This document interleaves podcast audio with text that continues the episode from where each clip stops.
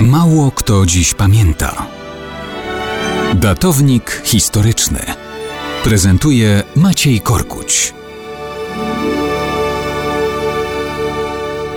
Mało kto dziś pamięta, że 10 maja 70 roku rzymskie legiony przystąpiły do oblężenia Jerozolimy. To miało miejsce podczas powstania żydowskiego, które już 4 lata wcześniej doprowadziło do utraty miasta przez władze rzymskie. Rzymianami przystępującymi do walki dowodził Tytus Flaviusz, późniejszy cesarz zresztą, i prokurator Tyberiusz Juliusz Aleksander. Powstańcze wojska żydowskie były podzielone na siły nie tylko wrogie Rzymianom, ale też bezwzględnie zwalczane zwalczające się wzajemnie. Jedni zajmowali świątynię jerozolimską, inni jej dziedzińce zewnętrzne, natomiast jeszcze inni oblegali swoich pobratymców, zajmując całą resztę miasta. Te wewnętrzne walki doprowadziły do zniszczenia znacznej części zapasów żywności. Mimo to zdobycie silnie ufortyfikowanej Jerozolimy nie było zadaniem łatwym. Pół miesiąca trwało zdobywanie murów zewnętrznych, także przy użyciu taranów i machin oblężniczych. W końcu maja przełamali Rzymianie drugą linię murów i rozpoczęli krwawe walki uliczne.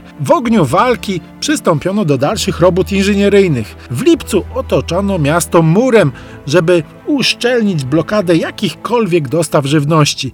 Głód zaczął zbierać dramatyczne żniwo. W końcu udało się zdobyć i zniszczyć twierdzę Antonia i rozpoczęto walki o górne miasto i świątynię jerozolimską. Walkom towarzyszyły rzezie ludności i podpalenia. Niewykluczone, że Tytus Flawiusz nie zamierzał spalić świątyni jerozolimskiej, ale do pożaru i tak doszło. Możliwe też, że od początku był zwolennikiem jednak jej całkowitego zniszczenia. We wrześniu padł opór ostatnich obrońców. Jeden z dwóch ostatnich przywódców buntu został zawieziony do Rzymu i tam publicznie stracony.